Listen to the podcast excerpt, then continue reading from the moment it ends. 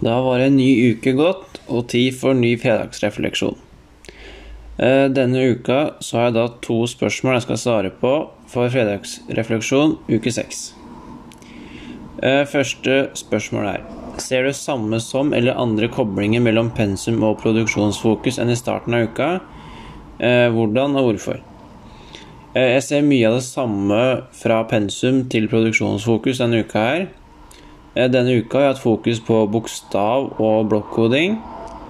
Eh, Noe av det som sto i pensum, var fra en eh, programpedagog som kalles Wait, som mente det at det var en god idé å starte først med blokkoding, for dernest bokstavkoding.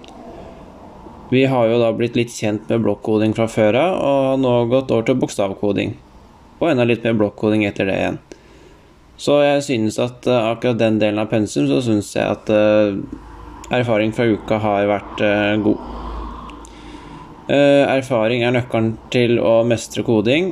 Dette har også stått en del med pensum, at erfaring og gjentatt jobbe med koding, det gir kompetanse. Så ser vi på UDIRs modell for arbeidsmetoder innen algoritmisk tenking, så syns jeg sjøl personlig at jeg har vært innom alle punktene mange ganger i løpet av denne uka.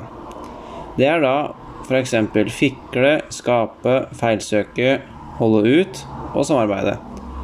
Alt dette har vært med på å gjøre eh, denne uka her til en veldig lærerik uke. Og tross alt så er jo vi studenter, elever, vi også, før vi da har fått mer kompetanse. Eller du vil vel alltid eh, etterstrebe å få kompetanse. Så er det spørsmål to. Hva tenker du fokuset denne uka tilfører eh, min læring som lærer? Altså kompetanse, det er utrolig viktig. Kompetanse det er nøkkelen til all kunnskap, og ikke minst kunne videreformidle kunnskap eh, en, til en seinere tid. Det, er, det å ha kompetanse i et fag, det er, eh, det er utrolig viktig. Eh, Denne uka har jeg også vært med på å utvikle meg sjøl til å bli en bedre algoritmisk tenker. Det er det med mengdetrening, det learning by doing, det er noe jeg er stor tilhenger av. Og denne uka har jeg vært med på å bidra til eh, mengdetrening. Eh, Hva fokus denne uka tilfører elevene sin læring? Da tenker jeg det er elevene som fremtidige elever av meg. Det du kan tilføre dem, er at jeg sjøl veit bedre hvordan koding fungerer.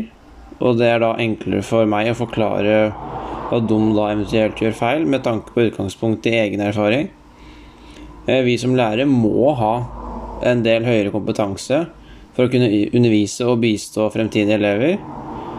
Og så ikke minst forstår vi, eller når vi forstår bedre hva koding handler om, og hvordan du koder, så er det enklere og bedre for oss å planlegge timer og finne undervisningsopplegg som vi tenker at elever vi har, kan gjennomføre.